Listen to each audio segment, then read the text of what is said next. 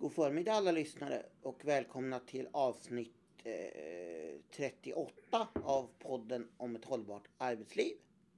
Som vanligt så sitter det tre personer här runt bordet där vi spelar in. Det är Barbro Skoglund. Och Kaj Skoglund. och jag som alltid inledningspratar lite före någon sekund innan de får säga vad de heter. Jag heter som vanligt Johan E Skoglund. Och alla kommer vi från AMSAB, det vill säga Age Management i Sverige AB. Och eh, i dagens podd ska jag inte bara stå långrandig i början och komma med någon inledning. För det är inte jag som har, utan det var ju våra kära kollegor som, eller mina kära kollegor, eller våra kära poddexperter som i slutet av, eller i, i, under förra podden ska jag säga, inte direkt i slutet, kom på att de ville prata om Hawthorne-effekten. Så att ja, vem vill inleda och berätta lite mer om den? Det är Ja. Kaj. Det vill jag tydligen göra. Ja, jo, jag Tydligen tror eh, Jo har, är ni osäkra Ja, Nej då, nej, nej vi har nej. gjort upp. Vi har faktiskt för en gångs skull förberett oss, om än lite grann. för en gångs skull förberett, det brukar ni inte förbereda Jag tror er. att det, jo då. Nej, ni är experter så ni behöver inte förbereda er. Nej, det var att ta i. Det var väl att ta i, ja. Nu tror jag vi går till dagens ämne.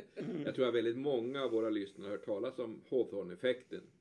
Eh, för det är ju ganska, det är ett känt begrepp. Ja, inte alla. Nej, inte alla, men det, nåväl. Big deal, det är alltså i början på 20-talet. Så Hawthorne, det kommer av att det var ett företag som heter Hawthorne Works.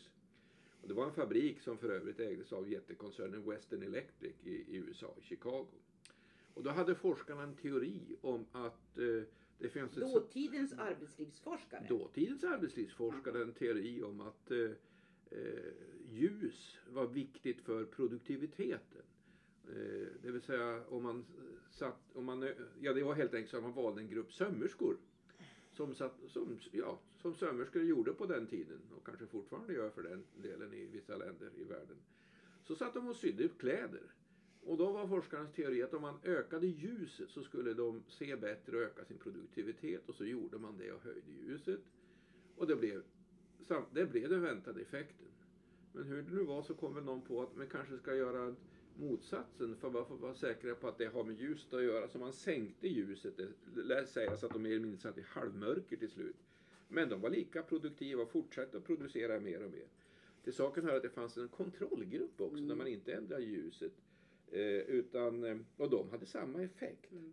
Och av det här drog man slutsatsen att det, var, det hade ingenting med ljuset att göra utan det var en, en effekt av att man fick uppmärksamhet. För plötsligt kom det forskare och intresserade för det, hur de jobbade och så vidare. Och detta kan man väl enkelt säga är Horton-effekten. Sen eh, kanske mindre känt är att det här låg sen till grund för en, en ganska omfattande forskning eh, under en drygt decennium. Eh, innan vi går, och den forskningen har i sig faktiskt gett upphov till grunden för vad idag kallas för human relations-kunskapen. Eh, innan Barbro går in och kommenterar så ska jag påpeka att det finns en ganska omfattande kritik mot, mot hur den här studien genomfördes. Att det var brister. Att den med Det, dagens... det, kom, det kom Sen, senare, ja. ja. på 50-talet. Ja, det var ju först på 50-talet Ja. som man började tala om Hawthorne-effekten. Ja, och den det. forskningen då har sen Ja. ifrågasatts. Eh, Så att det är viktigt att säga att det, det är inte så att Hawthorne-effekten i sig är eh, ett resultat av, med dagens mått mätt, väldigt relevant forskning. Men den har ändå en betydelse. Och Barbro, om vi tittar på din praktiska erfarenhet av det vi skulle kunna kalla för Hawthorne-effekten. Ja, alltså, jag, jag vill, till, till att börja med så, så eh, eh, det, det, vi, det vi stötte på när vi, när vi började jobba med det åldersmedvetna ledarskapet och läste Mm. en massa studier. Vi brukar ju säga att vi har läst 15 000 sidor forskningsrapporter till vi liksom fick ihop Mm. hela, hela vår, den kunskapsmassa som, som enligt vår bedömning var viktig för fackliga ledare, eh, operativa strategiska ledare, politiska och så vidare för att kunna förlänga arbetslivet. Så, så konstaterade man ju att det, det, man, det, som, det som det också eh, tenderade att bli det var det att, att när man gör en förändring, det vill säga uppmärksamheten, eh, då, då tenderar människor att arbeta bättre. Eh, det vill säga man mäter någonting eller man, man, man gör något, man är med i något experiment, det kommer forskare att titta på det. Men det man också konstaterade då i, i de, den litteratur som vi läste var ju att det där klingar av efter ett tag om, det inte, om, om man inte har alltså en hållbarhet. Och det var det, och det vi då eh, uppmärksammade var att man ska vara eh, uppmärksam på att om det är en Hawthorne-effekt så är den ganska kortvarig. Och det vi, det vi då kan, kan, kunde se då, det var ju detta att, att eh, alla tillskott, ja man friskvårdskort, eh, eh, man ska ha, alltså de, är, de, de åtgärder som man gör för att då till exempel förlänga arbetslivet, om vi jämför dem med finska forskningen, och de är ganska kort, eh, vad ska vi säga, icke lång, longitudiella studier är väsentliga när man ska motverka Hawthorne-effekten. Det var det jag ville komma fram till i den här första kommentaren. Får jag bara skjuta in där. Jag tycker det är ganska vanligt att man läser hör i media om man har gjort någon förändring och så efter ganska kort tid säger ja men titta det funkar ju.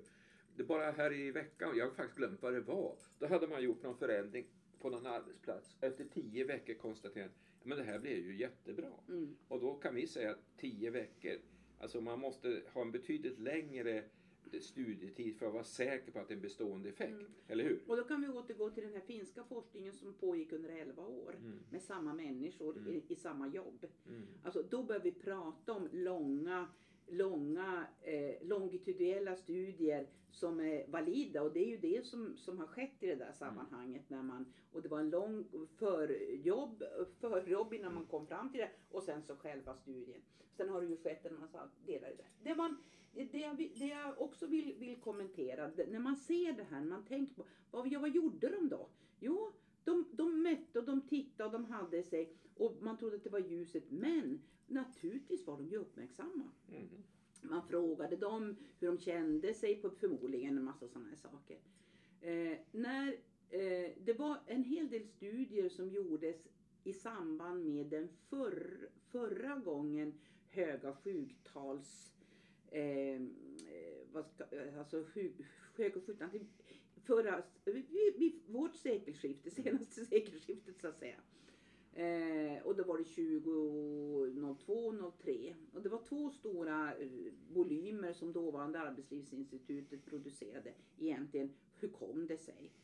Och en utav, en utav ehm, eh, slutsatserna man drog då det var ju detta att, att när man ska, vad, vad är det som gör en bra arbetsmiljö? Om, om man kokar ner det till, till eh, säga, ganska ja, prosaiskt som jag brukar säga, ganska eh, eh, fakta på bordet. Jo, det finns två så att säga sentenser som gör att du behöver, att du har en bra arbetsmiljö utifrån individens perspektiv.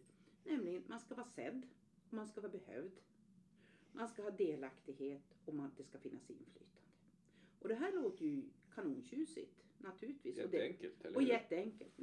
Problemet är ju när man börjar beta i det här, och vilket Mm. jag har gjort många gånger i, i, i uppdrag. Det är nämligen så att vi som individer, om vi då går tillbaka, vill inte bli sedda och behövda på samma sätt. Det är inget kollektivt eh, svar på det. Att om man gör si och så, så, så blir alla sedda och behövda. Det är inte så att ma- man är ute efter samma effekter. Nej, det där är inte sant om jag får komma med en Ja, liten... du får jättegärna kommentera. Jo, för att Innan jag går över till, till delaktighet Jo, och inflytande. Ja. Jo, för att jag har en liten, det är nämligen så här att jag brukar, eh, i, i, alltså i, när jag inte jobbar åt AMSAB så extra knäcker jag en del, eller jag har ett eget företag så jag jobbar en del som frilansjournalist. Jag brukar skoja och säga att det finns tre anledningar till varför jag inte skulle, kommer att bli en bra journalist, eller kommer aldrig kunna kommer att bli en riktig journalist. Det första är att jag inte har är att jag inte fotograferar, det måste man göra som journalist. Det andra är att jag inte har körkort och det måste man ha som journalist. Men det tredje och viktigaste grejen till varför jag aldrig kommer att kunna bli en riktig journalist det är faktiskt för att jag inte dricker kaffe. För överallt man är så blir man erbjuden kaffe. Så fort så vill man bjuda på kaffe och vill man Du menar när du ska intervjua vad folk och sådär. Ja, även på när man är vissa de jag har, man har redaktionsmöten Redaktionsmöten. möten och sådär. Det ska vara kaffe på vissa publikationer men, och, och nyligen så har vi kunnat då se då att en kommun i vårt närområde har då infört då, de har haft olika regler, men nu har man infört att det ska minsann vara gratis kaffe för alla. Och då har man börjat klaga i en annan kommun och sagt att vi vill också ha det. Och senast i veckan då var en intervju med personalchefen i den kommunen och säger att vi tar inget centralt beslut på att det ska vara gratis kaffe till alla. Det är upp till varje chef hur man vill organisera sitt arbete. Och eh, då skriver folk då, för på den här tidningens sida som har skrivit om det kan man kommentera vissa säger självklart ska vi väl få gratis kaffe, det är väl det minsta vi kan få. Nu har väl ändå politikerna gratis kaffe i stadshuset. Det intressanta är ju då att för en person som mig, Alltså jag struntar fullständigt i om jag får gratis kaffe eller ej. För mig är- Apropå, apropå förmåner. Men jag menar apropå, individuell- apropå individuella- individuella, det var Ja, det jag ville precis. säga. Alla tycker inte att kaffe Nej, är en nej, viktig förmån. nej. Och det är så här också att vi då är så gamla och det här är inte så att det var bättre förr. För Där var- sitter vi med varsin kopp kaffe du och jag Barbro. Precis, ja. Och du dricker vatten. Ja.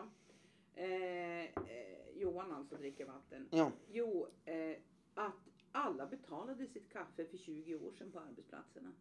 Utan att det överhuvudtaget var något märkvärdigt. Antingen att man betalade i kaffeautomaten eller att man salade ihop till sådana här kaffekassor och så vidare. Och det görs det också på, på vissa arbetsplatser fortfarande. Det är samma sak som det här att det har spridits att man ska ha gratis frukt. jo, för det var ha en frukt. för jag läste en diskussion igår på nätet. Det var någon som frågade, nu har vi fått fruktkopp på jobbet och det finns vindruvor. Hur gör man då? Ska man ha en liten sax? Får man ta, så delar man på vindruvorna. När det finns äpplen, då tar ju alla ett äpple. Men hur ska man dela vindruvorna rättvist? För det finns inte så många. Hur gör vi det? Vi är många på jobbet Ja. och det Ja, men- finns en vindruvsklas. Nu, nu har vi problem ibland. Ja, alltså att, att, vi, att det är som hemma, det vill säga när vi var små och man fick en 33 eh, eh, dricka till på, på lördagen och i en syskonskara så delade man på den två. Vi var två, min bror och jag. Och då den gällde... ena halde upp och den andra fick välja först. Så man ungefär vara så. säker är Precis. Men precis. hörni, nu har vi kommit från ämnet lite nej, grann. men, nej, men det har att göra med det har att göra med delaktighet och inflytande. Det är en jätte, det är inte alls att komma från ämnet. Nej, jag menar det. Jag har ju till och med det som är- liten använt, vad heter det, ja men linjal för att mäta saften. Det kommer man ihåg. Ja, och det här handlar om när man, när man har den här typen utav, utav sentenser då kan man säga. Sedd och behövd delaktighet och inflytande. Och inte gå vidare och diskutera och problematisera kring det.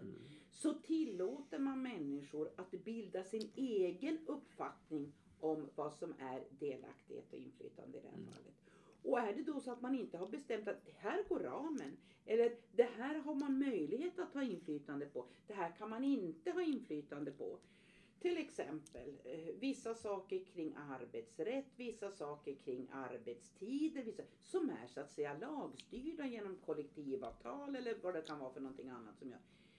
Man måste vara tydlig med det för att den här förväntningen av att jag ska kunna när man inte vet gränserna kan vara förödande och då är vi tillbaka på arbetsmiljön. Mm. För då landar det i, och det är många gånger som vi har gjort utredningar där det har varit ordentliga konflikter på en arbetsplats där man inte har varit medveten om vad man kan påverka som medarbetare respektive inte kan Och då påverka. spelar det ingen roll om kaffet är gratis, är- man friskvårdstimme. Det är ju Eller därför, hur mycket frukt man får. ja, det, är ju- det blir ju pseudoviktigt så att säga. Ja. Men jag skulle vilja bara peka på, en del hävdar att ser likheter mellan Hawthorne-effekten och, och är, någonting som finns från, i min gamla bransch, hälso och sjukvård, alltså placeboeffekten. Mm. Och det tror jag också många vet vad det innebär. Det är ju till exempel när man gör testar nya läkemedel. Får hä- hälften av person, försökspersonerna får eh, det man tror är den verksamma substansen och, och hälften får någonting helt annat, det vi brukar kalla för sockerpiller.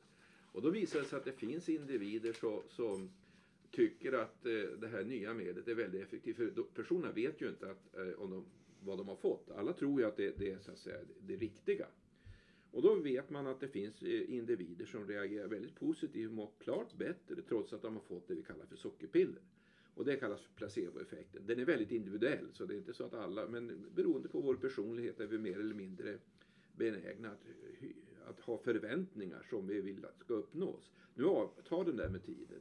Eh, och lite grann kan man väl säga, det är väl samma sak med, med kaffet eller Hawthorne-effekten. Att det, det man först får det uppfattas som positivt, men med tiden tar man det för givet och då avklingar effekten. Så summa summarum, mitt perspektiv, det blir väl, eh, om vi ska ta det ur ett ledarskapsperspektiv, att det finns en tendens att om någon annan, en annan enhet, en annan kommun, en annan företag har gjort någonting och det här verkar väldigt bra, att man ska inte vara så snabb och hoppa på det eh, bara för att det verkar så bra, utan ta det lite lugnt, avvakta och se, håller det i längden? Och framförallt att, att vid det här laget, som, som ju vi då är, är så kritiska till, förutom att hoppa på, att man kritiskt granskar. Vad finns det för, kommer någon med den här idén? Ja, hur är det utvärderat? Hur länge har det pågått?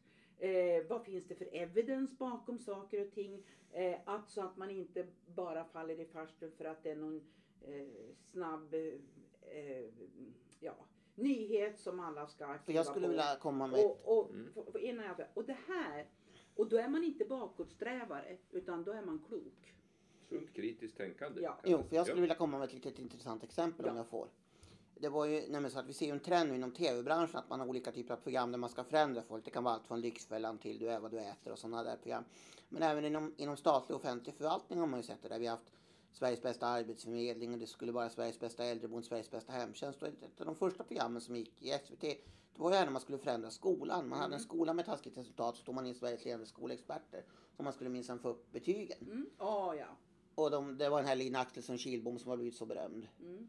Som rektor och sådär. Och, och, eh, Och även superlärarna. Det var ju Ja, superlärarna. klass, ja. jag tror det var det. Ja, I alla Det var fall. det första. Och de hade i alla fall, tror jag, jag vet ställen där de hade lyckats och så intervjuade de en elev efteråt och frågade honom då, ja hur, Det var ja. den här första med en årskurs 8-9, alltså Ja. högstadieklass i, i Malmö. ja i alla fall, de intervjuade i alla fall en elev efteråt och som det hade gått mycket bättre för. Ja, det mycket bättre för, sa han, så du har haft hjälp av det? Ja, sa han, det var ju så, sa han, så att jag har ju alltid varit en smart elev. Alltså, ja, jag var bara lat innan.